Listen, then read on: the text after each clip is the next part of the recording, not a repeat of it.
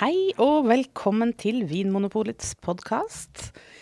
I studio i dag sitter Jens Nordahl og Anna Stueland. Og jeg heter Anne Engrav. Og vi skal til med nok en episode. Det er vel episode åtte av eh, denne serien som handler om Vinmonopolets historie. Og eh, vi er jo kommet et stykke nå eh, oppover i historien, og vi er kommet opp til 60-tallet. Vi har jo allerede Forrige episode var jo eh, om 60-tallet, men vi har eh, mer å si her. Jens, eh, hvor, hvor, var det vi slapp, og hvor, hva er det liksom som, som ulmer rundt omkring oss nå på, i dette tiåret? Sett i ettertid så fremstår jo 60-tallet som det store forvandlingens tiår. Vi snakket jo om metamorfosen, eller forandringen, fra det gamle systemet til det nye. Og det, det nye, som i hvert fall i det, så legger jeg at verden blir mer gjenkjennelig. Altså Vi får standardiserte prosesser på lager. altså Vi får en moderne og rasjonell måte å etablere butikker på, ikke minst drive dem. Eh, den gamle verden slipper litt taket, og Vinmonopolet blir en moderne bedrift, slik bedrifter og handelsbedrifter drives den dag i dag. Eh, det var egentlig der vi slapp taket. Eh, midt i denne, kall det metamorfosen. Midt ja. i denne forvandlingsprosessen. For det gjør jo litt vondt da, det.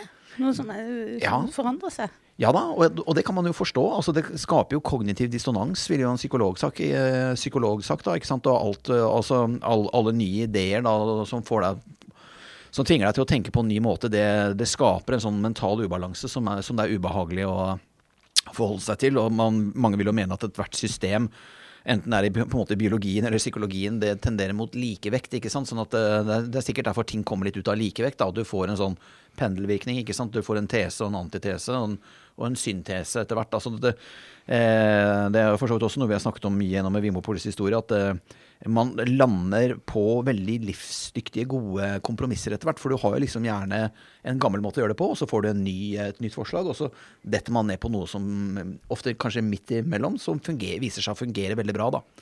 Så eh, vi skal snakke mer om denne forvandlingen, men vi er nødt til å snakke om kvinnene også. Ja. For dette har vært en rød tråd i podkasten så langt, og vi har undret oss over hvorfor i all verden er kvinnene fraværende. Ja, de fins ikke. I historien. Og det har, det, har, det har, vi stusset litt sånn over. I starten så var det kanskje litt mer sånn kokett latter fra vår side. Etter hvert så skjønte vi jo at her driver vi og pirker borti en historisk materie som faktisk er litt dyster. Mm. Uh, og må, altså, vi snakker jo I dag så snakker man jo om strukturell rasisme. ikke sant? Du har Black Lives Matter, og det er jo opptøyer i kjølvannet av George Floyd, ikke sant? som jo blir kvelt uh, til døde ikke sant? av denne Chauvin, denne, denne politioffiseren i, i USA. Um, Eh, det er, jo, det er jo, altså Dette med strukturell rasisme er høyt på dagsordenen. Og det vi jo egentlig finner spor av her, sånn, vil jeg si, i norsk moderne historie, og også polhistorien, det er jo strukturell eh, diskriminering. Trakassering av kvinner. Eh, og sånn har det bare vært. Og jeg må si at jeg har jo ikke visst eh, Jeg må bare legge kortene på bordet og si at jeg har ikke visst at det har vært så ille. At kvinner har blitt utsatt for så mye trakassering og så mye Eh, hetsing, for å si det sånn. Og at de har blitt holdt så langt tilbake. Selv så kommer jeg fra en eh, familie hvor kvinner, med veldig mange sterke, selvstendige, flotte kvinner som er på en måte mine store helter. Ja, min, min, mor overlever alt og er liksom den, den, den, den fødte vikingkriger liksom, som tar alt hva det måtte komme. Lever i beste velgående, kjører bil nå i en alder av godt opp i 80-åra. Så jeg, for meg er det, dette med sterke kvinner er liksom verdens mest naturlige ting. Eh, og jeg har sett det fra jeg var bitte liten, liksom, at mamma fikser alt. Uh, og jeg, uh, jeg, må si jeg er uh, ordentlig i stuss over å lese, lese meg opp på historien og se hvordan mennene har regjert, og hvordan mennene ikke har sluppet kvinnene til. og vi må bare bore i det. Og, det er sånn sett så er det litt fint å kunne løfte dette litt mørke kapitlet fram fra, fra, fra historiens skygger, for det er virkelig verdt å nevne, altså. Det er det. Ja, for dette, vi, vi snakka så vidt om det i, i forrige episode, da vi snakka om denne her Eh, butikksituasjonen på 60-tallet som var en sånn tretrinnsprosess, eh, der, der du kom faktisk eh, Der dukka det opp kvinner for første gang, som vi har snakka om, der de var satt inn i et lite bur og tok imot penger og ga ut vekslepenger. Oh. Så, så, det var første gang vi faktisk hørte om, om kvinner som arbeidskraft på polet, da enda de jo var virksomme tidligere. Vi skal straks komme tilbake til det. Men altså, det at da kvinnene ble passert i dette lille kassereburet sitt, denne kiosken, medførte jo skulderplager, nakkeplager, ryggplager. Litt som moderne PC-plager, rett og slett fordi de satt på rumpa hele dagen ikke sant? og gjorde en veldig eh, standardisert be bevegelse. Sånn at eh, Nei, det var kvinnenes rolle da på 50-tallet, og man ville jo ha dem der, i bua i eh, polet. Og man ville jo da ha dem kanskje aller helst hjemme. Eh, Ja. Fordi at eh, Vi skal være klar over det at eh, hvis vi går da liksom til, tilbake til den annen verdenskrig, ikke sant. Vi, vi kan jo gjøre det. Vi kan jo da Altså, vi vet jo da at det var et desperat behov for arbeidskraft, ikke sant. Det var veldig mange menn som var sendt på tvangsarbeid ute i landbruket og skogsarbeid. Man hadde et desperat behov for arbeidskraft, og man ansatte jo da kvinner i, i, i Vinmonopolet. Eh, dette mente jo da en person som heter Runge Andersen, eh, som da var eh, Arbeiderforeningens formann i Vinmonopolet. Han mente jo da at de var illojale parolebrytere. Altså det at de jobber for polet. ja, og jeg, tenker det er en veldig rar påstand. Jeg skjønner ikke helt hva som ligger i den. Det han i hvert fall eh, mente med det, var fordi han utdypet det noe. Men det, det høres ut som han nærmest på en måte anklager dem for å ha gått litt med nazistene. Eh, fordi at de da på en måte har eh, bidratt til å jobbe under, eh, under, under krigen. Eh, men det han, det han i hvert fall sier, er jo at eh, de fleste av kvinnene var gift. Så derfor trengte de ikke lønnet arbeid. Kvinnene skulle være hjemme. Det sa altså Arbeiderforeningens formann Runge Andersen eh, til, det, eh, til det faktum at kvinner var med og dro lasset under krigen. De jobbet på lageret, de jobbet i Vimopols butikker, men det, man ville ikke ha dem der. Ja, hadde det ikke vært for kvinnene, så hadde det ikke, ikke gått rundt, rett og slett. Rett og slett, da hadde polet eh, måtte, måtte stenge, men de fikk jo ingen eh, kred for dette her sånn. Eh, de ble jo faktisk dissa egentlig i ganske stor grad. Og, Og- ja, Men var de da, under krigen, fikk de en form for fast ansettelse, eller hvordan var altså kontrakten? Gjorde ikke det, vet du. Nei. De var eh, definert til å være vikarer. Og det var en av grunnene til at da Vinmonopolet ville kvitte seg med disse kvinnene etter eh, krigen. Man sa det at ja, men dere er jo bare vikarer, dere har jo ikke fast stilling. Dere har bare hjulpet oss under, under, under krigen. Så Så når krigen var over, Ja. så sa man liksom takk og farvel. takk og farvel. Man, da ville man ha dem hjem igjen. De ville, man, man ville det. Systemet ville det. Styrt av menn. Eh, ville jo det at kvinnene skulle være hjemme, ta seg av hjemmet. Eh, kvinnene derimot, de sa jo det at eh, vi har ikke lyst til det. Vi har lyst til å organisere oss. Eh, vi har lyst til å organisere oss i fagforeningsrørsla i, i Bimonopolet. Og da sa denne Runge Andersen han sa det at det var det glade vanvidd. Eh, så det var responsen da. Skulle tatt seg ut. ja, altså Det er helt vilt. Eh, og, han utdyper ikke det. Men det er bare det at en fagforeningssjef sier det. Han, han, ønsket altså ikke å ha fagorganiserte kvinner som medlemmer i sin organisasjon. For han var det en helt utenkelig ting. Han mente at de burde være hjemme som gifte kvinner og, og jobbe der. Eh, og eh, i kjølvannet av annen verdenskrig, for da hadde jo kvinnene fått prøvd seg. Og de hadde jo da jobbet et par-tre år på Vinmonopolet. Og de, de hadde jo tålt dette helt glimrende. De hadde jo selvfølgelig sjaua og ordna på samme måte som menn, og hadde ikke, de hadde ikke stått noe tilbake for mannlig arbeidskraft. Akkurat sånn som situasjonen er i dag. Men under landssvikoppgjøret så var det jo mange kvinner som man på en måte ga et litt sånt eh, tvilsomt NS-stempel. Og så man ble kvitt en del kvinner ved å påstå at de kanskje hadde vært litt vel samarbeidsvillige med tyskerne. da. Eh, så det var en måte å bli kvitt eh, kvinnene på. Eh, dessuten så var det veldig mange i Vinmonopolet som mente at tungt arbeid ikke var lov for kvinner i det hele tatt, og at derfor skulle at derfor kvinner skulle få lov til å slippe det. Eh, men som sagt, altså kvinnene hadde da vist gjennom tre år at dette hadde de jo kunnet eh, utføre med, med glans. Eh, dessuten så var jo Vinmonopolet veldig bekymret for det høye sykefraværet hos eh, kvinner. Eh, og de hadde jo da en teori om at dette skyldtes at eh, kvinnene var dobbeltarbeidende. Noe nok mange vil kjenne seg igjen i, i den dag i dag, da. Men eh, at kvinnene da tok seg av hus og hjem. Eh, og derfor sa, sa jo Polet da at kvinner bør derfor da bare maks liksom ha halve stillinger. Eh, de må ta seg av eh, hus og hjem i første rekke. Ja, dette var noe selv bedriftslegen i Vinmopolet hevdet. At halv, halv stilling, det, det, får, det får holde. Ja, og, Den, og denne bedriftslegen som jo var en kontrolllege. En kontrolllege er jo en, en, en bedriftslege som da etterprøver om folk faktisk er syke når de sier at de er det. Så, ja, det, det ble kalt det. Eh, Det var jo på Hasle der, på hovedanlegget på, på Hasle, så var det mange som hadde på seg et rykte om å gå litt sakte. Og det var mye brekkasje, eh, altså my, mye varer altså, som gikk i stykker og forsvant og sånn. Så det var, det var nok noen utfordringer der. eh, Så, de, så det var nok en grunn til å ansette en kontrolllege, men allikevel, ja, det høres jo ganske kjipt ut med en kontrolllege. Og denne kontrolllegen han ville jo kontrollere kvinnene helt ut av bedriften. I hvert fall nesten helt ut av bedriften. Og han sa jo det at Det er mye bedre om kvinnene da bare maks jobber halv dag, for da kan de ta seg huset og, huset og hjem. Og så sa han også noe som jeg syns er ganske drøyt her. Eh, dessuten vil det falle meget lettere for dem å utføre sitt arbeide i menstruasjonsperiodene på en tilfredsstillende måte. Vad de fleste nu ikke gjør. Uh, Altså, han ville de skulle være hjemme og menstruere. Ja. Det, og, og når jeg da leser det med denne D-en eh, som er stum, da, jeg syns bare det blir så gammeldags. Altså det, hva, hva de, de fleste nå ikke gjør. Han, altså det, det, dette er jo et pust av et gammelt patriarkalsk system som jeg tenker er eh, Jeg blir sjokkert når jeg leser det. Men dette sykefraværet, var det sånn at kvinner hadde mye høyere sykefravær enn menn i Vinpolet? Noe, ikke mye, men noe. Eh, og det kan jo bl.a. skyldes det at de hadde veldig standardiserte arbeidsoppgaver når de satt i disse burene, disse kioskene, betalingskioskene. De satt jo der eh, mange, mange timer og fikk ikke rørt på seg. Det er klart at da får du rygg, nakke, skulderproblemer. Sånn at det lå nok noe der.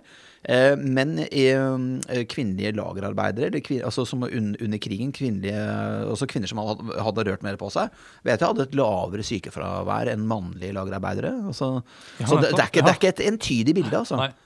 Så det er en slags eh, hersketeknikk eh, kamuflert som omsorg. Eh, ja, Ja, det er, eller, eller direkte angrep, nesten òg. Ja. Det er jo det. Også, vi har jo funnet fram et bilde her da, ikke sant? Fra, fra starten på 50-tallet her, hvor, eh, hvor vi da ser et, det er Vimopols ledelse som møter le, ledelsen i, et, i en annen bedrift.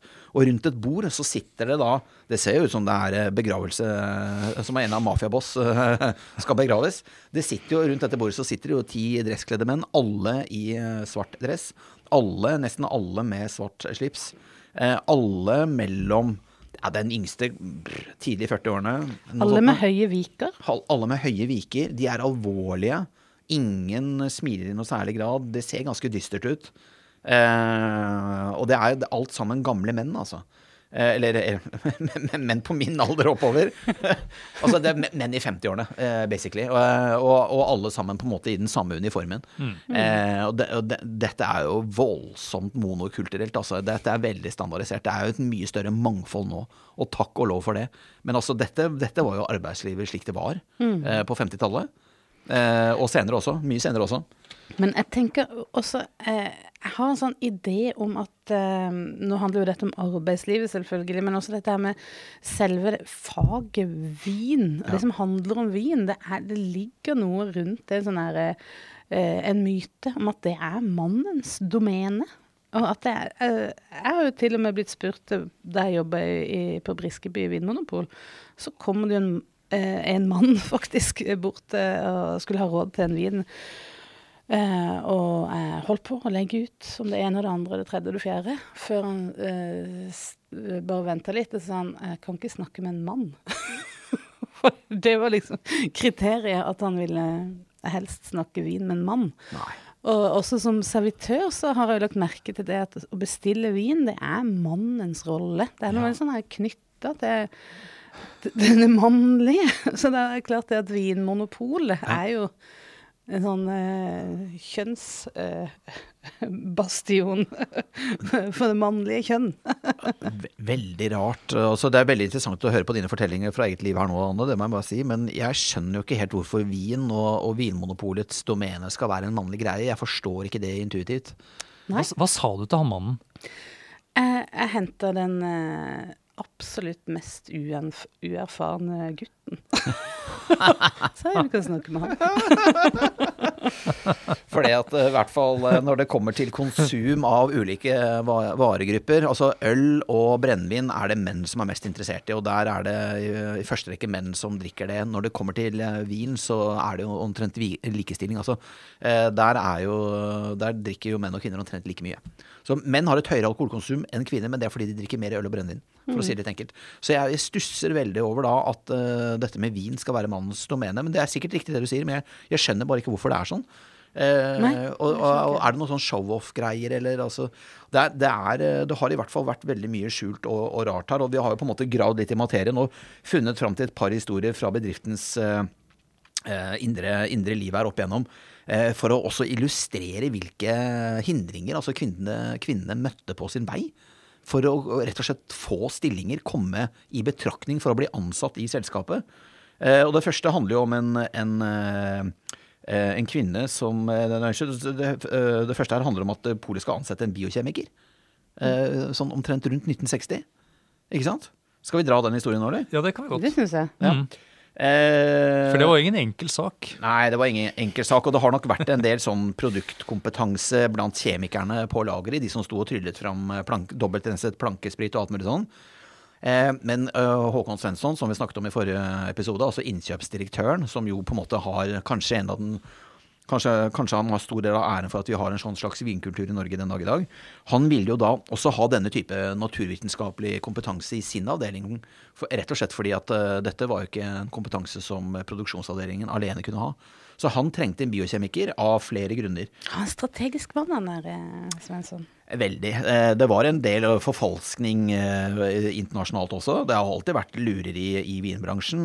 Det var en del rykter om at en del algirsk vin altså det, Algerie var en fransk koloni, ikke sant? Og var vel det fortsatt da, etter krigen, uten at jeg på en måte skal skryte på meg og dyp historisk innsikt i det, men hadde i hvert fall vært det. Og det, en del av ryktet her gikk jo på at algirsk vin da ble blandet inn i fransk og ble solgt som fransk. sånn at man hadde jo også et insentiv for å avdekke vinsvindel, for å si det sånn.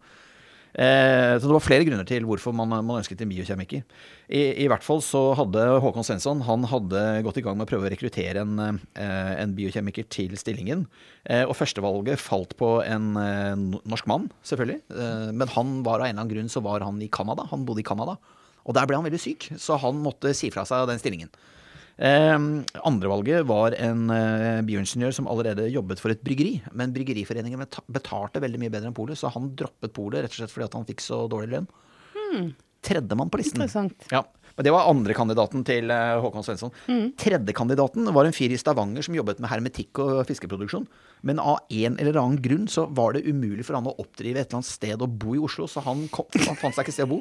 Og det greide ikke også Håkon Svensson, som da hadde forbarmet seg over alle Vimopols aspiranter, som vi snakket om i forrige episode. Han, han skaffet dem jo hybel, eh, og, og skaffet dem jo arbeid i utlandet. Det var altså, de greide, Polet greide ikke da å skaffe denne biokjemikeren fra Stavanger huslig i Oslo. Og i hvert fall, det høres jo helt eh, merkelig ut nå i etterkant, men det var da grunnen til at tredjevalget da ikke tok jobben. Fjerdekandidaten var en eh, flyktning fra Ungarn. Han hadde toppkarakterer og var liksom top notch. eh, kunne, kunne, ikke tenke seg en bedre biokjemiker. Eh, Men Håkon Svensson var skeptisk til å ansette en utlending i akkurat denne stillingen. Og det han sa, var at han ville ikke sende en utlending til vinlandet. Til utlandet. Til utlandet. Det er helt merkelig. Det er som sant til Sahara. Og da, da tenker jeg det at det er bare også eh, På kjedekontoret nå, altså Vinmopols hovedkontor, og selvfølgelig rundt omkring i butikkene våre, vi har jo flust av folk som er født og oppvokst i andre land. Dette er jo eh, Veldig mange av våre gode kollegaer er jo fra veldig mange spennende, eh, spennende land rundt omkring i verden. Fra masse, jeg tror alle verdensdelene er eh, representert. Så, så Vinmonopolet vi har jo alltid vært en bedrift vendt ut mot verden. Vi har jo alltid vært en bedrift som blir påminnet om mangfold i form av produsenter, varegrupper, produktutvikling. Også, så det, jeg vil jo kanskje si at mangfold ligger som en sånn del av vårt DNA. Ja, Ja, det er rart. jeg- Ja, hm? Ja, det er litt rart, men det er vel noe med den der konservative holdninga, da. ja. Men det at du da ikke har lyst til å sende en utlending til utlandet, som du sier, Anne, jeg forstår det bare ikke. Men sånn tenkte man da altså på, på, på 60-tallet. Og så den femte muligheten da var jo å få tak i eh, nye, ferske, helt uh, nyutdanna uh, bioingeniører fra Universitetet i Oslo. Ja. Og da, var det, da, og, da, og da var det både kvinner og menn som var aktuelle, ikke sant? Det var bare fem stykker der. Det, Det er tydeligvis ikke eh, at eh, biokjemi var kanskje ikke det man kunne bare velge og vrake. Hvis det er Nei. så få. Det var vanskelig å få tak i biokjemikere, men det var, disse, det var fem studenter som studerte dette på Oslo, eh, Universitetet i Oslo. Tre menn eh, og to kvinner, og de tre mennene ble selvfølgelig tilbudt jobb. Eh, men de var så ettertrakta at de forsvant til andre og mer høyt betalte stillinger andre steder. Ja. Jeg vet ikke hvor. Og så var det da disse to kvinnelige studentene igjen, da. Men de ble ikke engang vurdert. Eh, fordi at, eh, som det ble sagt av denne Håkon Svensson, unge kvinner kan ikke sendes, ut, eh, kan ikke sendes utenlands alene. Og jeg vet ikke hvorfor han mente det, eh, men altså det var i hvert fall det de mente, og det var begrunnelsen. De ville ikke sende unge kvinner på vegne av Vinmonopolet til utlandet. Eh, og om, det da, de, om de da liksom tenkte det at unge kvinner var ikke i stand til å beskytte seg selv, at de kanskje skulle bli utsatt for tyverier eller overgrep eller et eller annet sånt noe, jeg aner ikke hva som lå i det. Eller var det at de ikke ville at kvinner skulle representere representere Ja, men det kan, jeg, ikke- det kan jeg ikke forstå. Og jeg, og jeg forstår det virkelig ikke. Hvordan har de tenkt? Jeg, jeg, jeg fatter ikke den ligningen. Jeg får den ikke til å gå opp. Eh, For det er så naturlig og det er så selvsagt for oss. Også, vi, har jo, vi er jo, det er vel flere kvinner enn menn i, i Vinmonopolet en dag i dag. Så jeg tenker, hvordan har de tenkt? Altså, Jeg sliter så fælt med å forstå det. Ja men, ja, men Jens, dette her er jo ikke rasjonelt. Det handler jo om eh, emosjonelt. At det er, det er kvinner. Og at man Det er diskriminering. Der ligger det Ja. noen følelser som, som selvfølgelig ikke kan eh, forsvares eller forklares. Det er jo Men de har jo heller ikke greid å forklare det mens det sto på. De vil bare ikke sende en ung kvinne utenlands. Så jeg tenker, ja, ja, ja Ja, men de var jo enige om det. De hadde en idé om at sånn var kvinner. Det var disse mennene enige om. Eh, De måtte, de måtte menstruere. Ja, og kunne ikke sendes ut. Og, det, og dette er strukturelt, og da er det altså Jeg eh, Nei, jeg må si jeg er eh, hoderystende, og jeg tenker at eh, det, er- det er jammen ikke rart at vi har fått en, en kvinnebevegelse. Det er jammen ikke rart at kvinnekamp har vært så høyt på dagsordenen i mange tiår, og det er jammen ikke rart at vi har fått en feministbevegelse. Så er det klart at situasjonen i dag er en ganske annen, og folkehelsedirektør Camilla Stoltenberg hun etterlyser etter hvert et manneopprør, og ikke minst et gutteopprør. for at, Vi skal ikke dra hele den diskusjonen nå, men det er mye statistikker f.eks. på høyere utdanning og selvmordsrater og sånne ting som ikke taler i guttenes favør. Men altså, vi snakker ikke om det nå. Nå snakker vi om hvordan det var historisk. Og jeg må jo si det, det er jo for meg dette er rystende lesning, altså. Ja, jeg er enig. Det er utrolig provoserende. Ja. Jeg kjenner at jeg blir liksom Når jeg leser om det. Men eh, jeg lurer på hvordan det var å leve midt oppi det. At da var det kanskje bare sånn at ja, det er sånn verden er. Og så bare godtok man det. For det er klart, det var jo kvinner som da eh, tok opp kampen, men det var jo sikkert også veldig mange som fortalte seg sjøl at det var sånn det som var riktig også. Det har vel kjentes å kjempe mot vindmøller, altså Don Quijote-bildet der. ikke sant? Altså at du, du, du, Det å kjempe mot en tidsånd, det å kjempe mot eh, strukturelle forståelser, det må jo ha føltes helt eh, eh, uovervinnelig. Eh, men så har det heldigvis snudd. da, Jeg opplever det at vi har kommet veldig langt. Vi er ikke i mål når det gjelder likestilling, men vi har kommet veldig langt. Men, og, i hvert fall når vi ser hvordan det har vært før. altså Kvinner fikk ikke engang lov til å komme inn i arbeidslivet. De ble forhindret i å søke stillinger. Man var ikke interessert i å ansette dem med de merkeligste begrunnelser.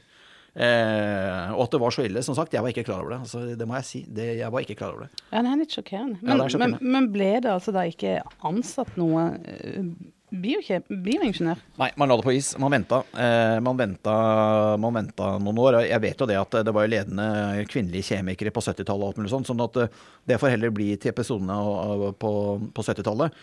Og mye har nok skjedd ikke sant, på 70-tallet. Vi vet jo at det var eh, kvinneår i 1975, f.eks. Hvis ikke jeg husker helt feil. Eh, sånn at eh, dette var jo en Altså dette med lik, likestilling, kvinnekamp, var jo en problemstilling som må ha blitt reist mer og mer eh, på dagsordenen. Sikkert på slutten av 60-tallet, i kjølvannet av kulturelle revolusjonen, men også da på 70-tallet, med politisk bevissthet og, og my, mye sånn venstresidefokus og alt mulig sånn. Eh, men vi, vi, vi må følge opp dette her i senere episoder, men eh, vi får i hvert fall konstatere at eh, på 50-tallet og på 60-tallet så var eh, langt på vei mange kvinner ikke ønsket i Vinmonopolet. Man, ledende menn gjorde hva de kunne for å trenere eh, kvinner, eh, få dem til å jobbe deltid, eh, få dem til å definere dem som vikarer eller til og med landssvikere etter annen verdenskrig, gjorde livet surt for kvinnene, og det må ha vært helt forferdelig å være kvinne og møte denne motviljen overalt.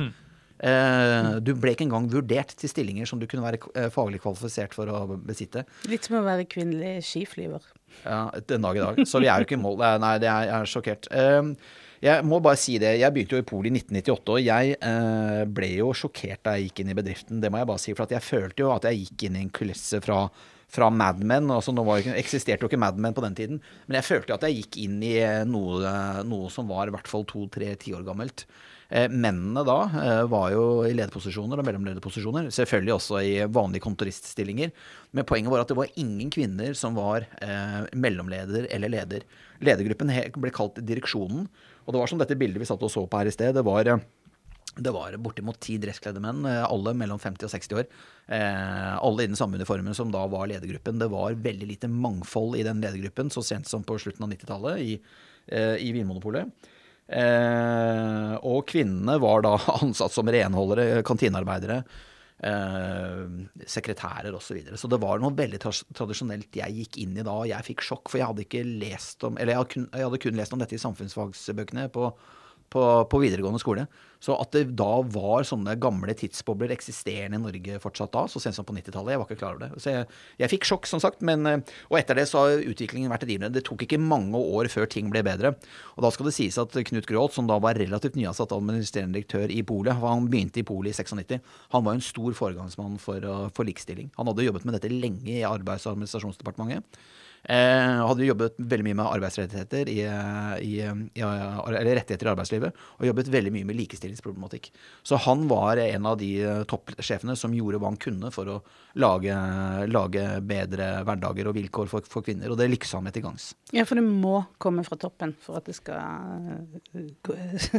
skje noe. Det hjelper i hvert fall. En revolusjon kan jo både komme ovenfra og, og nedenfra. Eh, det vet jo vi som er ekspert på revolusjon. Jeg har faktisk noen vekttall i revolusjonsteori. Men jeg skal ikke rote meg vekk i det nå. Men en revolusjon kan komme unnenfra. Altså, den kan det. Den kan komme fra, de, fra arbeiderne, fra bøndene, fra de rasende, fra de rasende massene. massene som rett og slett blir utnyttet. Og jeg Eh, kvinnekampen har selvfølgelig kommet også unnenfra. Det her har jo det har vært masse rasende kvinner som har tenkt at det er helt forferdelig, det vi opplever.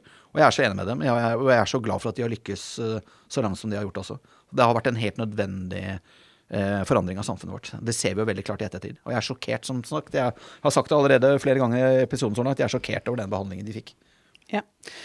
Eh, enig. Eh, jeg tenker vi skal gå litt videre på akkurat dette her um, biokjemikersporet. Ja. Hvorfor ville eh, Polet ansette denne biokjemikeren? Anders? Hmm? Hvorfor ville Polet ha en biokjemiker? Altså, dette er spennende, men her er vi mer over i vindrueverdenen, og da tenker jeg da er det enten Da, da, da må vi snakke med en mann. Eller deg, Anne. Det var, det, var, eh, det var, et behov da, som, eh, som meldte seg. Hvorfor, eh, hvorfor, trengte man denne kjemikunnskapen? Det var, det var, mye rart som skjedde etter annen verdenskrig. Altså det var, for det første så hadde man jo Det var jo vinmangel etter annen verdenskrig, ikke sant? så man hadde jo solgt eh, veldig mange kjellere tomme. Eh, sånn at det var mye årgangsvin som var, var borte. Det, de lå ikke lenger i, i kjelleren og modnet. Så en del vin begynte da å bli solgt en primør. Mm. Ja, eh, som da betyr at eh, den selges egentlig før vinen er ferdig modnet, egentlig. Ja. Eh, sånn i Bordeaux-sammenheng. Og det er jo noe man fremdeles gjør i Bordeaux. Men risikoen er jo da at man ikke vet helt hvordan vinen faktisk blir, da. Når den skal, eh, liksom, er klar for å tappes på flaske. Um, og så tror jeg kanskje at de hadde liksom endret noe på produksjonsteknikk også. kanskje, Så vinene hadde, og muligens også at modningen på druene var blitt bedre. Det er mulig at klimaendringene allerede hadde begynt å gjøre seg gjeldende. Eller at de hadde bedre oppbindingssystemer og hadde bedre forståelse av hvordan man skulle få modne druer. Så eh, jeg tror eh, pH-en i vinen også var, var høyere. Eh, ikke så mye syre i vinen. Eh, de var kanskje ikke så tanninrike heller, som det har vært før. Så vinene var kanskje mindre holdbare, og man tok en risiko da med å kjøpe disse vinene mens de fremdeles var unge mm. og ikke klare for å tappes. Så de opplevde vel at det var en ganske stor prosentandel av det Vinmonopolet kjøpte inn, som da ikke holdt mål. da. Det, det, dette var jo litt, litt, sånn før pasteuriseringen. altså Ikke før det hadde kommet pasteurisering som teknikk, men før vinbransjen hadde institusjonalisert pasteurisering som en uh, konserveringsmetode. Ja. Uh, det ble gjort en del uh, forsøk av dette her. Fransk vinindustri connecta jo med fransk marine, så de sendte av gårde digre vinfat på krigsskip som reiste helt til Gabon, hvor det er veldig, veldig varmt. Altså, da hadde med seg fat som både var pasteurisert, og de som ikke var det. Og de, så smakte man jo og analyserte kvaliteten på disse fatene når de kom hjem igjen. Og så så man jo det at den pasteuriserte vinen hadde jo tålt denne transporten til tropiske strøk og Eh, betydelig skiftende klima hadde tålt dette veldig mye bedre. Og Det handler jo om at det var mye eh, mikrober i, i, vin, og man sleit også, uten at jeg er noen ekspert på det, men man slet jo da både med vond lukt, eh, kanskje som følge av disse mikrobene som var der, før man fikk tatt kverken på dem i pasteuriseringen, da. Men man sleit jo også med vinstein. Så det var jo, eh, det var jo en del mer sånn ønologiske utfordringer eh, i vinbransjen eh, på 50-tallet, 60-tallet som gjorde at man da trengte en biokjemiker. Også som vi snakket om i sted, for å avsløre eh, forfalskninger. Altså eh, litt sånn skittent spill. Mm. For det er alltid sånn, det ligger jo i menneskets natur. Det er alltid noen som har lyst til å jukse litt, og det er alltid noen som har lyst til å kjøpe noe billig og selge det dyrt. Det er liksom en sånn, en sånn eh, en refleks som er, ligger hos mange. eh, eh, rett og slett. Ja, så, Så, ja. så tror jeg at en sånn, en sånn biokjemiker da, ehm, kunne være dette, dette bindeleddet som de kanskje manglet mellom eh, altså disse fagfolkene, altså vinfolkene, og de som drev med selve produksjonen på Hasleanlegget, eh, som da ikke hadde noe særlig vinfaglig kompetanse. Eh, så, og det var jo Svensson som var pådriveren for å få biokjemikeren på plass. ja da, og det var en økonomisk Og da ville jo han jobbe i Svenssons eh, samme, altså samme avdeling, innkjøpsavdelingen. Absolutt. Mm. Men, men det er jo eh, litt samme tankegang som å sende disse aspirantene som vi snakka om tidligere, ned for å lære håndverket sånn i, til bunns. Ja. Så er jo det samme biokjemikeren. Da, da forstår du jo alt. Det er jo noe som handler om å forstå prosessene. Men da ville dette fagmiljøet i Vinmonopolet eh, også ha en, eh, en person som hadde den tekniske pondusen og kompetansen. Så kunne liksom ah, slå i bordet, da. Eh, kanskje mot de som drev med produksjon. Jeg vet ikke.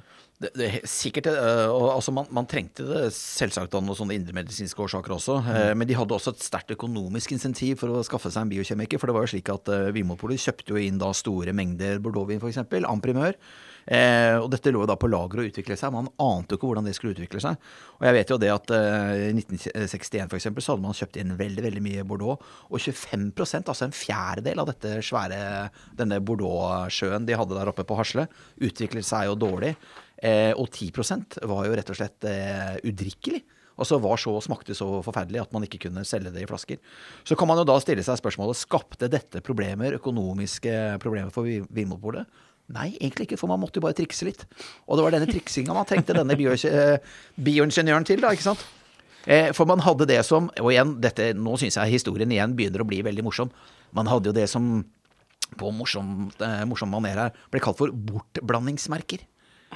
En rekke merker som man rett og slett Man drev bare og trikset og mikset på laboratoriet. Man blanda sammen.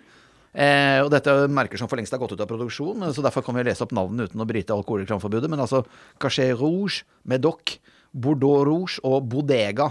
Eh, og bare navnet her. Altså, vi kan vel kanskje rynke litt på nesen den dag i dag, men Bodega, det var en ordentlig godbit. Den inneholdt veldig mye rart, og her har vi en herlig liste over hva Bodega egentlig inneholdt. Og det var, den, det var vel den dyreste også av disse bortblandingsproduktene, ikke sant? Det var det litt, sånn- litt, ja, det litt luksuriøse bortblandingsproduktet. Bodega. Ja. Men det, det var jo veldig sånn, før vi, før vi avslører hva bodegaen inneholdt, da, så tenker jeg det at det var jo, det var jo, veld, det var jo noe veldig sånn der eh, Det var jo noe veldig sånn nøysomt, og det var jo noe veldig sånn Det er veldig fint å bruke alle ressursene, da. Og, og så jeg tenker at det, det ligger jo både en økonomisk og en miljømessig gevinst i å benytte seg av det man har. Det er litt sånn restemiddag. Ja. ja. Og, li, og Det er liksom, ikke noe galt i det. Fint servert. nei, Nei. jeg, og, for vi snakker jo her om en rødvin. Men den, uh, bodegaen, ikke sant? Men den inneholdt jo veldig mye mer enn bare rødvin. Ser vi. Ja, Ja. hva, hva står det på lista di, Jens? Uh, ved siden av rødvin så inneholder den annen svakvin. Uh, det kan jo da sikkert være hvitvin og fruktvin og hva, hva, vi, hva, hva, og hva vet vi, men den inneholder også sterkvin. Og så var den tilsatt sukker, Ja. og så var den til og med også tilsatt brennevin. Sikkert ganske ren, eh, hva man kaller da ren sprit. Og så var den, hold dere fast, den var tilsatt noe de kalte for droger. Det er her det begynner å bli litt spennende, syns jeg. Hva slags droger? Hva slags droger har man tilsatt der? Her tror jeg du ser for deg noe annet. Det må jo være en type krydder, tror Ja jeg da, det er det. For Ja. de, de sier jo det at sukker og krydder For det er det, er det vi snakker om. Ulike, ulike herbs. Altså. Det er jo eh, virket harmoniserende Ja. på smaken. Så Så litt det, kanel eh, og sånn- det er ikke psykoaktive stoffer. Altså. Det, er ikke, det, er ikke, det er ikke det vi snakker om her. Vi, Så dette er egentlig en form for en gløgg, nærmest. Det er jo det. ja. Det er jo det det er. Mm. Men den Så, ble vi, så så dette er noe altså, vi- Så gløgg, dagens gløgg, er eh, en, kanskje fremdeles en sånn bortblandingsprodukt. Men altså, nå sitter vi her og fniser litt over dette her, da. Eh, og så tenker jeg det at eh, Og nå, da må jeg stille dere spørsmål, Anders Anne. For jeg er jo ikke noen vinekspert, det er det dere som er. Men jeg vet jo det at eh, en rekke vinprodusenter de sitter jo og designer eh, produkter til det norske markedet. Fordi at den norske vinsmaken er på en måte Den er norsk. Vi nordmenn så vi liker det vel litt sånn muskuløst og fruktig, kanskje litt bløtt og søtt og litt sånn forskjellig.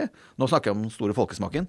Så det er vel fortsatt sånn at man sitter jo og designer viner, ikke sant? Etter det man tenker er den norske smaken. Den, den smaken det norske folk ønsker. Ja, Men du kan ikke tilsette droger. Nei. Men du kan tilsette du kan, du kan, til, kan, kan du tilsette sukker, f.eks.? Nei, ikke, ikke den ferdige vinen. Nei. Nei. Ikke, ikke innenfor vinloven i EU. Nei. nei. Men du kan, jo, du kan jo sørge for at det er restsukker i vinen. Eh, men da, er- sukkeret skal jo stamme fra druer, da. Ja. Mm. Så du kan ikke tilsette det etter at vinen er ferdig. Fruktessens, altså bæresens, altså eikespon altså, Eikespon, eh, ja, innenfor eh, enkelte regelverk. Eh, med sånn type essenser ja. eh, som bare bare tilsetter aroma. Nei, det er jo ikke lov. Men det har jo vært tilfeller av eh, Fatekstrakt. Ja, fatekstrakt. Og det er jo, det er jo inn, innenfor. Men eh, i Sør-Afrika så var det vel for en type 20 år tilbake. Ja. Eh, noen som ble tatt for å tilsette eh, altså, noen aromastoffer til vinen som skulle gi et sånn tydelig aspargespreg. Okay. Mm. Så den praksisen her vi leser om, og dette, jeg har ikke svaret, men kanskje dere har det, den praksisen vi her leser om i denne bodegaen, da, dette bortblandingsmerket hvor de da liksom blander sammen sukker og sprit og droger og vin og alt mulig til dette produktet ved bodega, den praksisen, den hadde ikke gått i dag.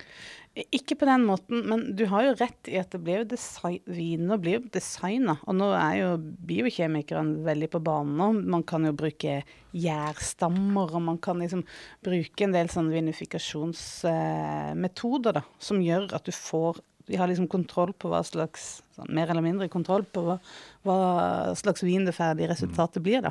For å passe til noen kundegrupper. Men jeg tror dette produktet, Bodega, det tror jeg er eh, Det er på en måte et innenfor mer en sånn aromatisert vin. Eh, aromatisert sterkvin. Eh, så vi har liksom snakker mer om sånn gløgg, vermut. Altså den, eh, den sjangeren der, da. Ja. Og det er jo produkter som finnes fremdeles, og som er blandingsprodukter. Ikke sant? Mm. Men det var nok mye mer av blandingsprodukter før enn det Ja. det er nå. Ja. Eh, Og et av de store og mest myteomspunne blandingsproduktene gjennom historien, det er da denne rødvin-rødvin, ikke sant? ja, røven, rødvin, ja. Men der er det bare vin. Ja. Der er det jo ikke noe, noe annet uh, fusk, holdt på å si. Nei, det var, det var ikke noe fusk, Nei. men det var, eh, det var, det var du, du visste ikke hva du fikk. Nei. Men jeg bare, eh, det med kvalitet på De sleit jo med Bordeaux og sånt, men de hadde også problemer med hvitvin, vet jeg, oppe på Hasleanlegget. Altså den, den Jeg leste at den luktet som et, et helvete. Det høres ikke så bra ut. sånn, når folk skriver det på 60-tallet, Ja. at det luktet som et helvete, da er det, da er det alvor, altså. Du har ikke lyst til å kjøpe det? Nei. Eh, Det så det- så det var- Så det ikke bare disse, disse primørvinene fra Bordeaux, det var også eh, hvitvin de hadde tappet på Hasle, som da var stinket, rett og slett, når de åpna flaskene. Men så tok vel da denne pasteuriseringen, som ble en produksjonsteknikk eh, på vin, den tok vel kverken på mye av disse mikrobene, da, som antagelig har vært eh, årsaken til mye av dårlig lukt og Jeg er usikker på om pasteurisering er, ble vanlig, altså. Jeg, Det- tror, jeg tror det er mer eh, ja, Det er vel svovel som har tatt over for pasteurisering, Ja. tenker jeg. Mm. Men denne biokjemikeren Ja. Men, eh, For de får jo ansatte biokjemikere etter hvert, men det skal vi kanskje snakke om seinere. Ja da. eh, Og jeg, jeg, eh, akkurat det mysteriet må vi plukke opp igjen i neste episode, tror jeg. Så, Ja, men, jeg vet Da får vi la det henge litt. men jeg vet at det har i hvert fall vært ledende kvinnelige kjemikere på laboratoriet oppe oppå, oppå Hasle der. Så Ja. det, det kan jo rett og slett hende at det kom en veldig dyktig kvinne til slutt. da. Ja men, det. ja, men det kom jo først en mann. Ja. Og han, eh, han, lag- han lagde jo litt trøbbel, han da. Ja. Ok, men det må vi ta neste. Vi må, ta neste. Men vi, vi må ha Ja. ja, ja, nettopp. For jeg hadde lyst til å snakke litt om rødvin, rødvin. Ja, det, det har jeg lyst til å snakke om òg. For det er jo et uh, legendarisk bortblandingsprodukt. Eller i hvert fall et legendarisk, uh, en legendarisk smeltedigel av et produkt. ja. men uh, for, for det finnes ikke lenger. Nei, det er gått ut. Det er gått ut, så, ja, det, så det kan vi prate om nå som merke, eller? det fins ikke lenger. Ja. Eh, Det har gått ut av produksjon for lenge siden. Ja, og det er den rødvinen som ble kalt for sekskroners eh, rødvin. Og den, eh, den heter vel det fremdeles, altså på folkemunne. Når jeg begynte i Vinpolet, da, da solgte du den. Den lå gjerne i kassene Ja. under disken.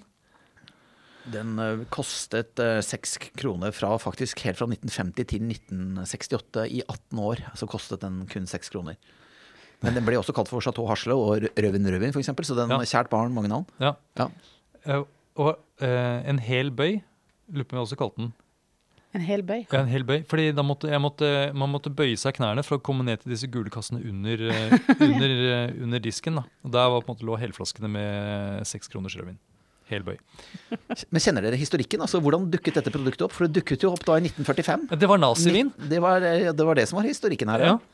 Å ja. Mm.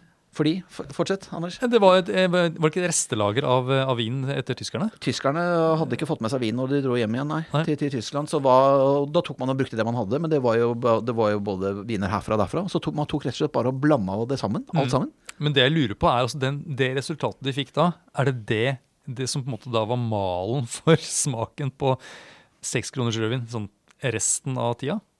Nei, den varierte jo hele tiden. For Ja. at det var, jeg, jeg vet at utover 60-tallet så ble det jo stadig mer populært med spanske, spanske viner i, i rødvin. Var vel på et eller annet tidspunkt helt opp i 80% av det du fikk i rødvin, var, var spansk. Ah, ja. Mest i starten var mye fransk. Ja. Eh, nei, og det, det lå, og, det, og det kunne være veldig gode årganger innimellom, og det kunne også være mindre heldige årganger. Så det, det, det lå et spenningselement i dette også. Var, var det god eller dårlig eh, flaske du fikk tak i? Sånn katta i sekken. Jo, jo, men de tok det jo på alvor. altså Ja, ja. eh, Vinpolet og de Ja, som jobbet med denne sekskroners rødvinen, de, eh, det var jo eh, litt prestisje å faktisk få blandet fram et godt produkt. Ja. Ja. Og det beit jo fra seg lenge. Og Håkon Svensson, som vi snakket veldig mye om i forrige episode, altså en av Skulle vi lagd en liste over ti eh, betydningsfulle personer i Vinmopols historie, så ville jo han garantert vært på denne topp ti-listen. Dette er mannen altså som kanskje da innførte vinkulturen til Norge, og var uh, Vinmonopolets legendariske innkjøpssjef eh, i 25 år, drøyt det. Han var i selskapet i over 45 år. Eh, han, eh, han var jo veldig opptatt av at eh, god, anstendig vin ikke nødvendigvis måtte koste så veldig mye penger. Så for han etter hvert så ble det jo sånt oppdragerprosjekt, det å lage denne rødvin, rødvin best mulig. For dette var en måte i å få folk til å drikke svakere. Det har hele tiden vært eh, et poeng for Vinmonopolet å få folk vekk fra brennevin og over på vin av alkoholpolitiske årsaker, altså mindre fyll med bedre folkehelse. Eh, og man så jo etter hvert på denne rødvin-rødvin som et veldig veldig godt virkemiddel for å få folk til å drikke svakere. Og til langt på vei så var det jo også det som skjedde. Eh, hold dere fast, altså. Toppåret 1981, da ble det solgt 3,8 millioner liter rødvin-rødvin i Norge det året. Og så kan jo dere gjette, da. Eh, og dette har vi ikke forberedt, så jeg vet, jeg, men jeg har sånn tallene omtrent eh, klare i hodet. Men hva tror dere nå en bestselger? Altså best, de største vinene, hva tror, eh, de best, eh, mest kjøpte merkene, hva tror dere det selger normalt på polet? Eh, Eh, ja, hvis det var 3,8 millioner liter Ja. i året i 81 for rødvin-rødvin, da, da tipper jeg en bestselger nå mm, En million, da. Det er 800 000.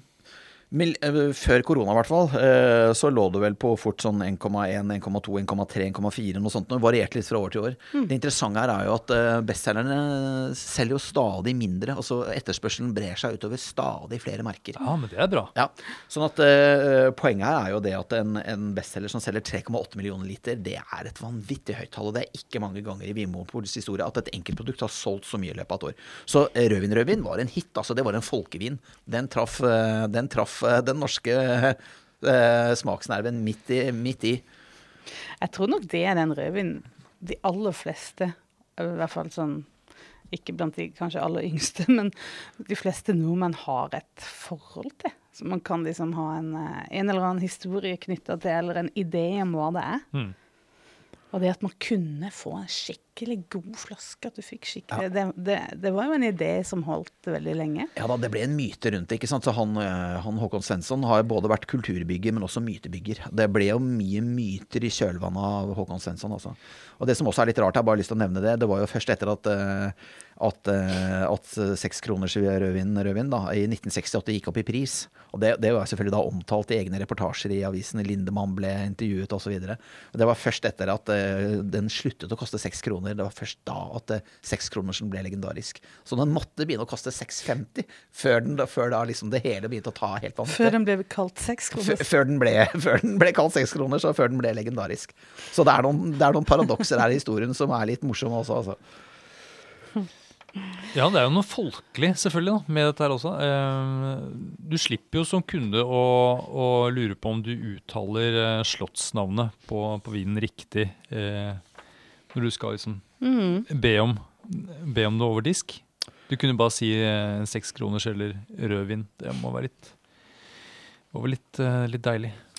Men hva med, med businessen, Ja. eh, Vinmonopolet-businessen? Hvordan utvikler det seg på, på eh, 60-tallet? Vi har snakka om rasjonalisering av butikkdriften og sånn, men eh, hva, hva skjer med vinindustrien? Ja, romantikerne blant oss vil kanskje si at bransjen hardner noe til. Eh, det, det, og det kan hende at den gjør det. Eh, kanskje den taper noe uskyld.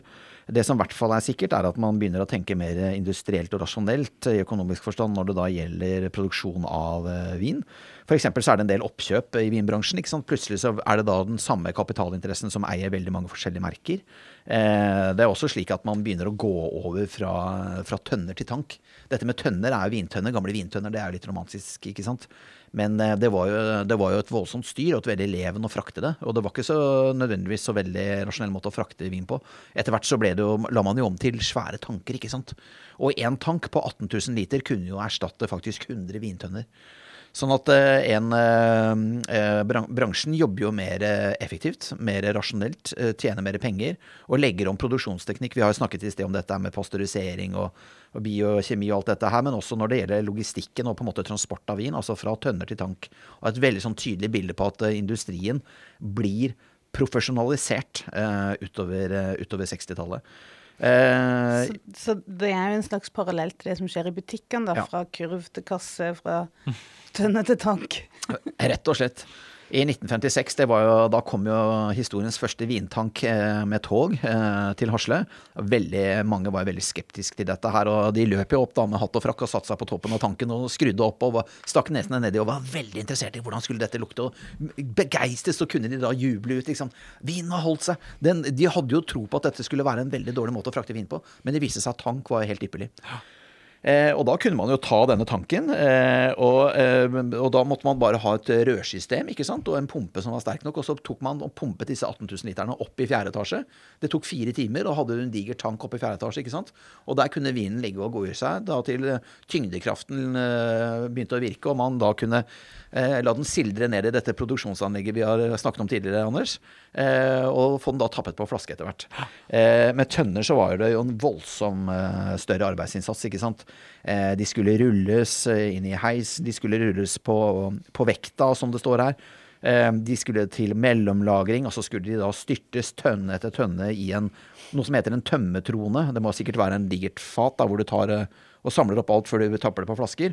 Eh, og så hadde du da et kjempeproblem med alle disse tomme tønnene. For ja, hva i all verden skulle du gjøre med dem? Man prøvde å bli, eh, sende dem tilbake til produsent, man prøvde å selge dem, og mye av det eh, Mange av disse tønnene led jo samme skjebne som disse eh, kurvene vi snakket om i forrige episode. De blir jo brent, rett og slett. da. Så da hadde du et voldsomt avfallsproblem. Tanken selvfølgelig var jo stål, ikke sant? så den, den var jo fastmontert på et, eh, et tog, den. Og, og ble jo sendt frem og tilbake ikke sant, mellom produsent og, og Vinmonopolet. Eh, men det var skepsis mot disse tankene. Man tenkte jo på tanker som noe man lagde sprit i, altså teknisk sprit og kjemikalier.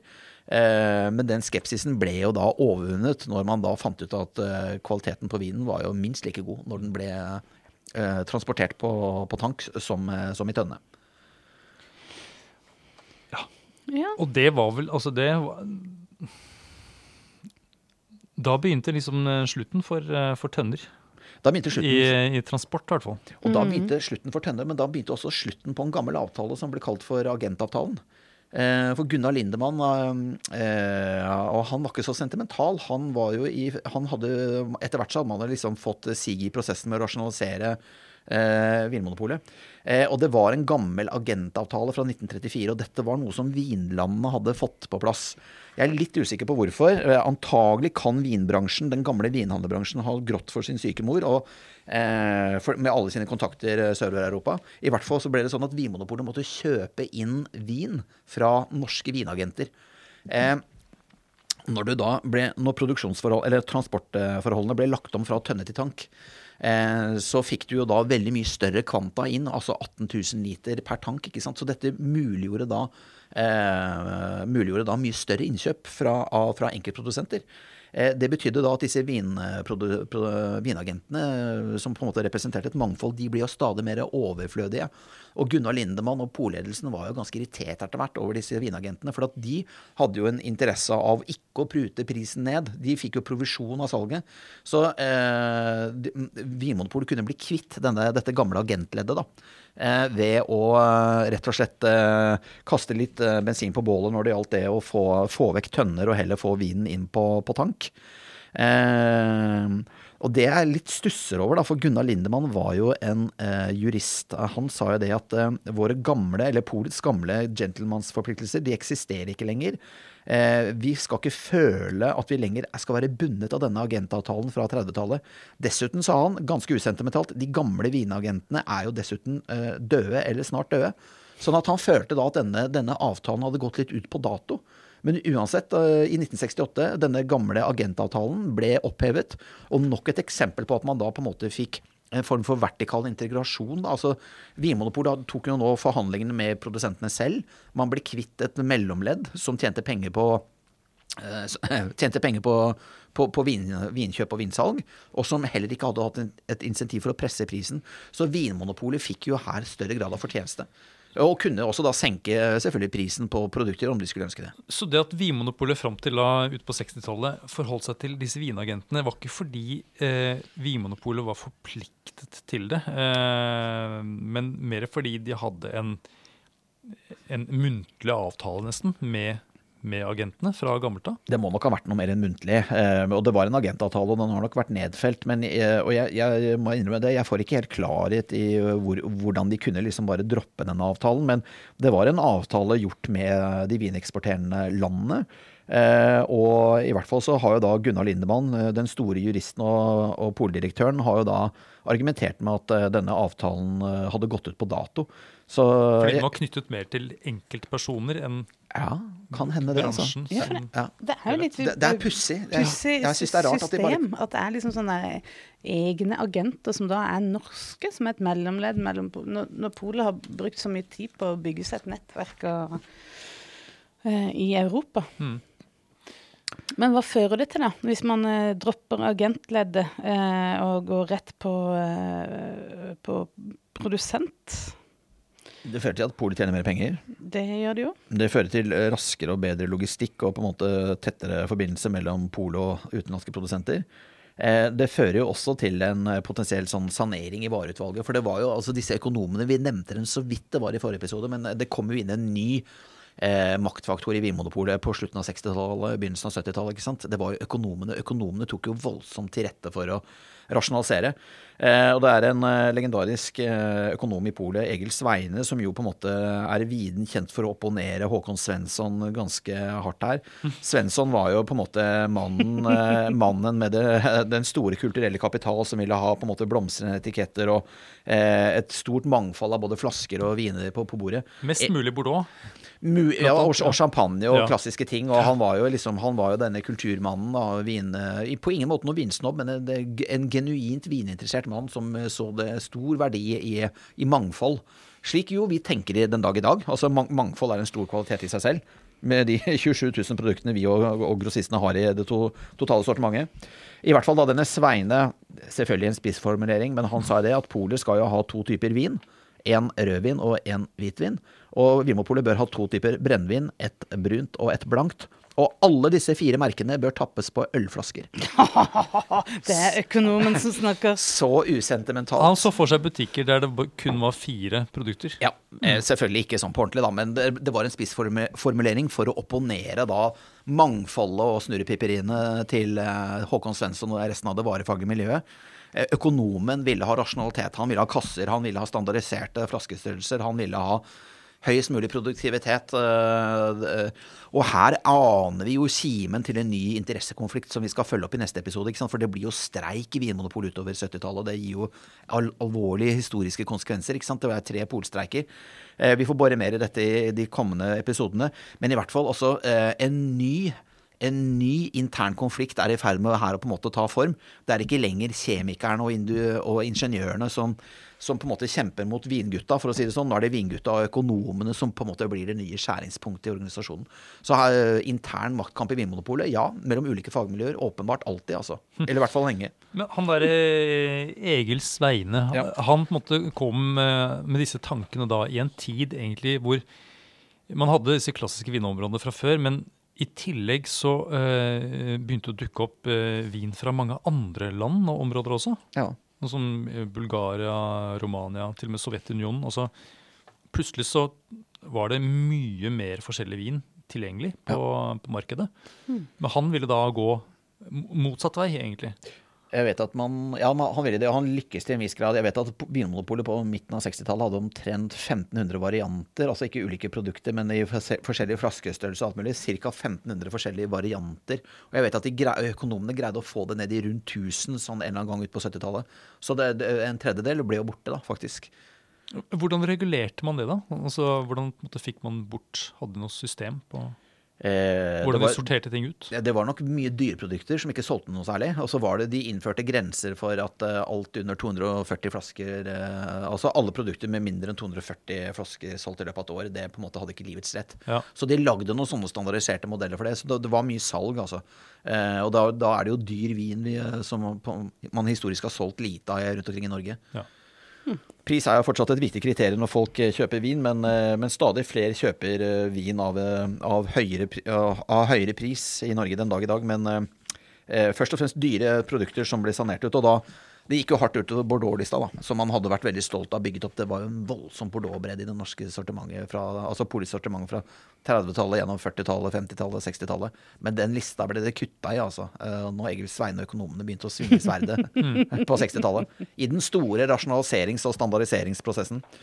Men du, eh, Jens, du, Ja. har, eh, du har et årstall Ja. du har liksom meisla ut for oss. Ja. 1967. Ja. Hva er det som var så spesielt med det året? Hvorfor vil du snakke litt om det? Nei, det, jeg syns det er et helt fantastisk år. og Det er jo liksom, du er jo midt i, i den kulturelle revolusjonen. Eh, Det er jo liksom flower power da, og psykedelia. ikke sant. Det eh, er jo hippier og, og Vietnamkrig og, og mye rart. Særlig hvis man går til musikken. Altså, jeg, må, jeg må bare snakke litt om musikk her. ikke sant? Altså, Tenk dere det, folkens. Beatles gir jo ut Sgt. Pepper og Magical Mystery Tour, begge de to mesterverkene, samme år. Samme år får, vi klassikerplater fra Velvet Underground, også med det banancoveret signert Andy Warhol. ikke sant? Også andre band altså som gir ut Jeg må bare kort være innom det. Så Doors, Jimmy Hendrix, Leonard Cohen, Pink Floyd, Kings, The Who, Bob Dylan, Rolling Stones. Alle disse gir ut klassiske plater i 1967. Jeg Det er, ja, tenk det. Men det er, verden begynner å bli litt gjenkjennelig for mange av lytterne. Sikkert litt sånn gammeldags musikk, dette her sånn. Men masse av dette her holder seg jo veldig bra den dag i dag. Eh, vi, hva, hva, hvorfor gjorde det alltid Var det tilfeldigheter? Alltid samme år? Leonard Cohen hadde noen sånne veldig sånne eteriske, litt sånn øh, poetiske forklaringer av dette. her. Sånn. Han liksom snakket om noe sånn energi som ble forløst nærmest, og at man møttes i en voldsom sånn fredsharmoni. At det til og med var, var fred mellom kjønnene, at man liksom kunne møtes i en dypere respekt. Eh, nå skal ikke jeg prøve å sitere Leonard Cohen på dette, her, sånn, men han hadde noen veldig flotte formuleringer og tanker ut dette. Så han mente nok at det mer lå i grunnvannet eller i tidsånden de, de årene, for å si det sånn. Eh, nei, jeg var jo ikke til stede da og har ikke grubla så mye på det, men det har nok eh, det har nok vært en helt spesiell tid. Altså, det, har, det har jo det, Og det lå mye og ulmet her. da. Det var mye krig. ikke sant? Det var kald krig, det var mye varmekriger, også Vietnam. ikke sant? Eh, det var eh, studentopprør. altså det var eh, Norge fant oljen, det begynte å bli bedre økonomi, kvinnekampen kom. altså Det er veldig mye som skjer på en gang. Det er kanskje dette, den her sommerfuglen du har snakka om, som nå er ute i full blomst. Ja, Kanskje det faktisk ble en sommerfugl allikevel. I, I hvert fall altså, Vi må returnere litt ned på bakken igjen her. Og vi skal returnere til bakkenivå på Briskeby, faktisk. For at, og for de av dere som ikke vet hvor det ligger. altså Dette er jo en del av Oslo som ligger midt mellom eh, Majorstua og eh, Frogner. Eh, av en eller annen grunn man bare kan spekulere i, så er det jo på Briskeby at trendene oppstår. Og det som skjedde da i 1967, er at, og dette er faktisk helt sant, for første gang i Vimopols historie, så blir det solgt like mye vin som brennevin målt i vareliter i en butikk. Og da har jeg vært så nerdete at jeg har tatt med meg disse tallene i studio. Altså, det var 162 517 liter brennevin solgt på Briskeby det året, og 162 434 liter vin. Bare 83 liter mindre vin enn brennevin. Eh, og dette kan jo høres rart ut for lytteren. Altså, dette er jo egentlig en revolusjonerende markedsutvikling. For dette hadde aldri skjedd i Norge før. Gikk man bare noen kilometer ned i Oslo, til Storgata f.eks., eller enda litt lenger til Grønland, så ville fordelingen være 80-20. 80%, brennevin og 20% vin. Akkurat sånn som i resten av landet. I Bergen, Trondheim, Sarpsborg, hele landet rundt. 1967. 1967. Vet du hva, det nå blir jeg, nå, er- det overrasker meg faktisk. Ja. Jeg hadde liksom sett for meg at um, rødvin, rødvin og, eller sekskronersen Ja. og At det skulle være mer vin enn det. Tenk all den innsatsen til Svensson, og, og, og så er det brennevinet som egentlig Men da, Holder skuta ja, flytende. men da forstår jeg enda bedre denne kalde striden da, mellom produksjonsdelen og disse vinfolka. Fordi det er jo fremdeles brennevin eh, Vinmonopolet selger. Da, på den tiden, Ja. ja. Og det slo meg nå kanskje som et sånt litt sånn pussig Det er bare mer som et humoristisk poeng, men tenk om Håkon Svensson bodde på Briskeby. Kanskje det er derfor trendene oppsto på Briskeby. I, I hvert fall så tenk, altså, Bare så det er sagt, den dag i dag, bildet er snudd helt på hodet. Eh, nå er det jo eh, 80% vin eh, og 20 egentlig 15 eh, brennevin, mens vi er oppe i 85% vin. Så bildet er radikalt snudd på hodet den dag i dag. Og dette er en av de store endringene i markedet som vi snart skal snakke om. Eh, eh, vridningen vekk fra brennevin over og fylledrikken over på, som den jo har på en måte fått rykte på seg for å være, over mot vin som mye er svakere. Eh, i, I hvert fall. eh, det er jo fremtiden som banker på døra eh, på Briskeby i 1967. Eh, så i 1969 så blir det første år da hvor det selges mer vin enn brennevin på Briskeby. Så dette er en jevn utvikling. Det var ikke noe spesielt i 67, og så var det business as usual. Dette er liksom begynnelsen på det nye mønsteret. Dette er begynnelsen på det nye mønsteret, og dette er så interessant at altså, de, dette er jo en langsom trend, og jeg tenker på det som liksom tunge skip i, eh, tunge tankskip som bruker veldig lang tid på å stoppe. Er, skipet er i bevegelse, men det forflytter seg ikke så veldig mye, men det er, det er en jevn prosess. Det nytter ikke å stoppe det.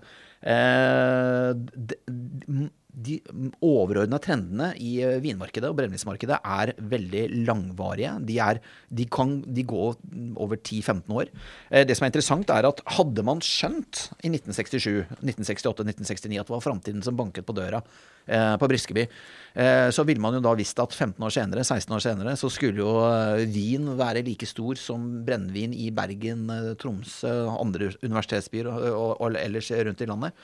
Men det, den, denne trenden er så langsom når den pågår at den er egentlig umulig å monitorere. Du skjønner ikke at det er en trend når den pågår, men du kan se det veldig tydelig etter etterkant. Når du på en måte puncher tallene og, og ser det i etterkant. Da. Så dette er nok en trend som i først, størst mulig grad på en måte lar seg beskrive i etterkant.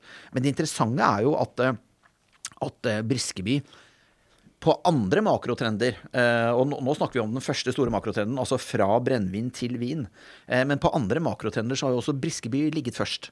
Eh, For så var det et voldsomt skifte i altså Fransk rødvin har jo egentlig regjert det norske markedet fra 1922 og helt fram til Uh, egentlig eh, 2005 på landsbasis. Det var et lite intermesso på, på slutten av 90-tallet hvor det ble solgt mest chilensk vin fordi at det var en mar markedsboikott av fransk vin som følge av at Chirac hadde prøvesprengninger eh, på Mururoa-avtalen, altså kjernefysisk, da, altså ato atomvåpen. Det skal vi snakke mer om i neste episode. Men eh, med unntak av det, fransk vin har jo vært markedsledende fra uh, tidenes morgen, altså fra, fra 1922 for vår del, uh, og fram til 2005. Hadde man, eh, Og så kom jo italiensk rødvin som en kule ikke sant, på landsbasis. Hadde man kjent til denne, eh, denne trendspredningen i Norge For det er jo slik at trendene oppstår i Oslo, på Oslos vestkant og kanskje Asker Bærum, og andre steder i landet hvor, eh, hvor folk kanskje er mye ute og reiser, ikke sant? hvor man får mye inspirasjon fra utlandet og den type ting. Eh, og så sprer trendene seg i landet som ringer i et vann. Hadde man eh, visst at Briskeby lå foran eh, og Oslo lå, foran resten av landet, så ville man jo sett da at uh, jøye meg, allerede i år 2000 så selges det jo mer italiensk rødvin eh, enn fransk på Briskeby. Altså fem år før det samme skjer i, eh, i, eh, i Norge. Så var det sånn at i Oslo så kom jo dette skiftet i 2002, altså to år etter Briskeby. Så hele resten av Oslo følger da to år senere etter en Briskeby, ikke sant. Mens da Akershus følger etter i 2005, som var landssnittet. Mens da f.eks. et fylke som Møre og Romsdal kommer etter i 2007. Så det, dette, dette skiftet at uh, italiensk rødvin blir større enn fransk, det ser du sånn tikke bortover på en sånn tidslinje. da. Ja, og det, altså, det er det for meg da Jeg vet ikke om det er forståelig for dere? Altså, Ja, ja, Ja. veldig, Ja. veldig. veldig. ja, eh, det, det er jo da trendene som sprer seg som en ringeritt vann, og det, de starter da på Briskeby. Men Og, er det ja. sånn, altså fra 1967 til i dag, så er det fremdeles Briskeby som er Ja. Det er sånn fremdeles? Ah, Gjelder det alle trender eh, Nei, ikke i bransjen vår? Ja, altså, vi, nå om, vi snakker nå om lett- og lystrenden. Nei, ikke alle trender. F.eks. ikke øltrenden. Den har jo oppstått mer i sentrum av byene, hvor- man kan se for seg at uh, studentene øh, regjerer mer enn de, de middelaldrende, for å si det sånn.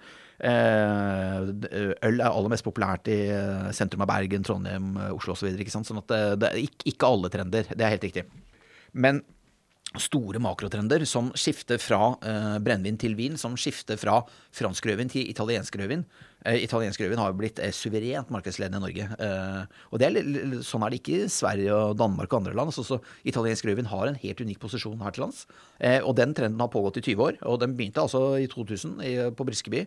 Eh, og, og er i ferd med å for så vidt dabbe litt av nå, men På Briskeby? Eh, ja, Eller- der- òg, men også i landet. Eh, men den holder seg fortsatt stor. Altså, i, eh, Italia er jo by far fortsatt det store vinlandet, men de, de rykker ikke lenger fra resten av feltet.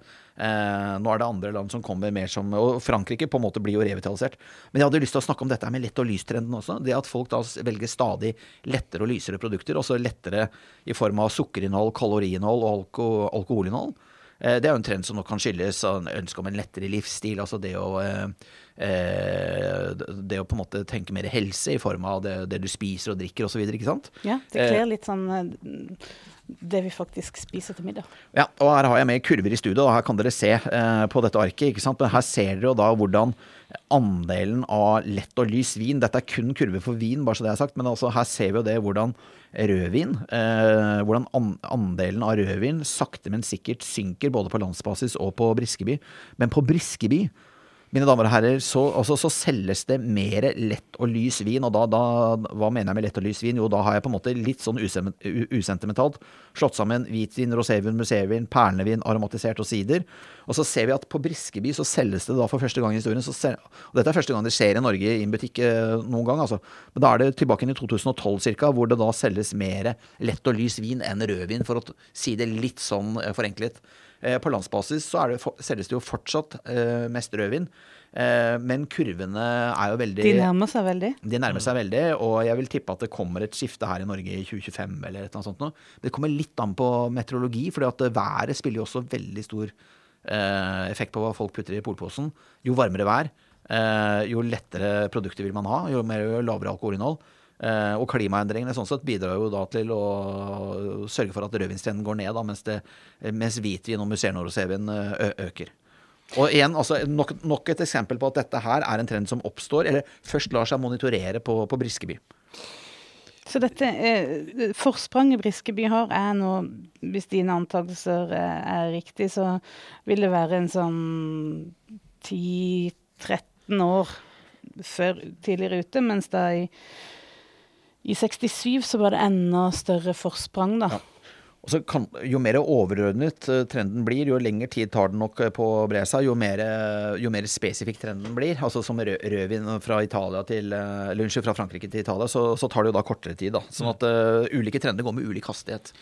Men, men i 1967, når da Briskeby var første vi- vinmonopol som da solgte mer eh, vin enn brennevin, eh, var det noe Vinmonopolet skulle gjort den gang som du tenker at de ikke gjorde, eller? For de, de la jo ikke merke til det. Nei, man, man, jeg tror ikke det. Eh, man la i hvert fall ikke merke til det på denne måten. Og kanskje har man på en måte, selvfølgelig har de ansatte i butikken eh, merket dette på en eller annen måte. Og dette, dette har nok vært litt sånn common sense blant våre ansatte. Men ikke det at noen butikker ligger så foran de andre. Dette er en innsikt vi først eh, fant egentlig sånn i 2015-2016, da vi begynte å grave litt i dette. ikke sant? Eh, og veldig veldig spennende at vi da på en måte egentlig kan predikere hvordan framtiden kommer til å bli da, hvis vi studerer et cluster av butikker. Eh, vi, skal ikke, vi skal ikke bare være opptatt av det som skjer på Briskeby. altså Majorstua, CC Vest, Skøyen, Aker Brygge. Altså, det, blir, det blir jo mye vestkant her da på Oslo, men, altså, det er, men det er tallene som snakker, så jeg føler at det er ikke noe, er ikke noe, måte, er ikke noe stigmatiserende i det, den ene eller den andre retningen. Altså, det er, og vi kan dokumentere det med, med 50-60 år gammel empiri. Ikke sant? Sånn at jeg tenker at dette her skal være ganske ukontroversielt å, å snakke om. Eh, men det er uansett veldig veldig interessant at trendene oppstår der. Og som du var litt inne på i sted, Anders, liksom, gjelder dette andre typer trender? Altså Gjelder det teknologitrender, bruk av mobiltelefon, bruk av Spotify? Altså, gjelder, gjelder det matretter? Altså Gjelder det biltrender? Jeg har ikke peiling, men jeg vil anta at du kan finne elementer av den type trendforståelsen i, i, i, når det gjelder salg av andre typer produkter òg, da. Eller politiske budskap eller holdninger, eller hva det måtte være. Nettopp. Så her er det bare en gavepakke til alle konsulentbyråer som jobber med, med ulike typer eh, produkter, egentlig. Eh, eh, gjør undersøkelse på Briskeby. Dra til Briskeby. Der er framtida. Der banker framtiden på døren til enhver tid. Fremtida på Briskeby. Men, men hva, hva forteller det om da neste episode, som da blir 70-tallet? Hva er det denne utviklinga på Briskeby 67 kan eh, si om hva som skjer der på 70-tallet? Vin? Ja, det er rett og slett altså, det Vinmonopolet blir da for første gang i historien kanskje et, et ekte vinmonopol. Eh, det Rett og slett fordi at eh, den, den store vinbølgen som man kaller det, kommer jo på 70-tallet. ikke sant? Og det er jo da en, eh, en, en trend som gjelder både i Storbritannia og i Norge. Eh, eh, gjelder i Sverige, i Finland, i Danmark eh, og i alle andre land rundt oss. Og det er jo flere grunner til dette, men vi har jo vært innom mange av dem i denne episoden. ikke sant? Det handler jo bl.a. om avgiftsfavorisering. Det handler om at man eh, avgiftsbelegger altså brennevinsproduktene av helsemessige årsaker dyrere enn en, en vin. Politikerne ønsker jo å vri konsumet i svakest mulig retning. Eh, handler jo om mer velstand rundt omkring i befolkningen, både i Norge og de andre landene. Eh, handler om økt turisme, eh, økt reisevirksomhet. Eh, Nordmenn eh, som lærer seg å drikke vin, for å si det litt enkelt, på, på ferie i Spania. Mm, sydenturisme. Ja.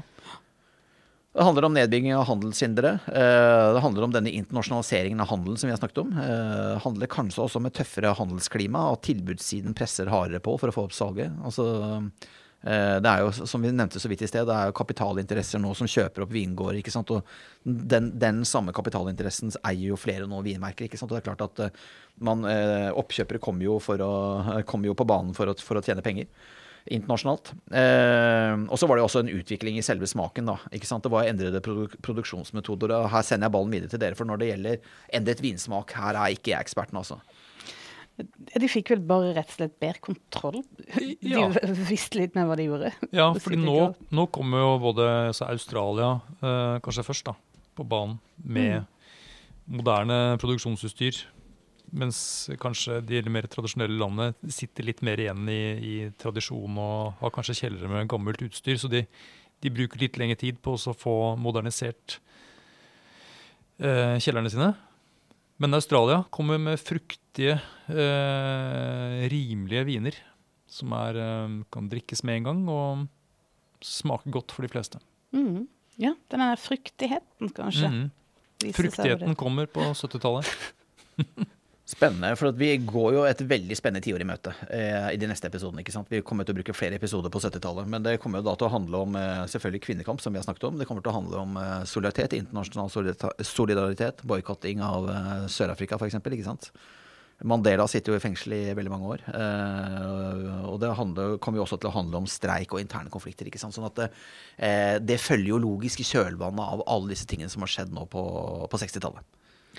Kamp, på en måte. Det, ja, altså alle Dere har jo nevnt det nå begge to, eller vi har snakket om det nå i flere episoder. altså Hvordan, eh, hvordan man har tatt for seg på en måte sektor for sektor innenfor vinbransjen og på en måte modernisert Vinmonopolets butikker, lagerdrift, vinbransjen her. Altså eh, transportforhold, ikke sant. eh, Hvordan man jobber på lager osv. Sånn at eh, alt dette her fører jo til et sted, ikke sant. Og det kommer nok en, på en måte en reaksjon på all denne standardiseringen, all denne effektiviseringen. Eh, I hvert fall får vi streiker, og det skal bli veldig spennende å fordype seg i det i de neste metodene, eh, epis episodene. Absolutt. Tusen takk for i dag. Takk for at du hører på Vinmonopolets podkast. Har du forslag til et tema i podkasten? Send mail til podkast at vinmonopolet.no. I tillegg svarer kundesenteret deg på e-post, chat og telefon.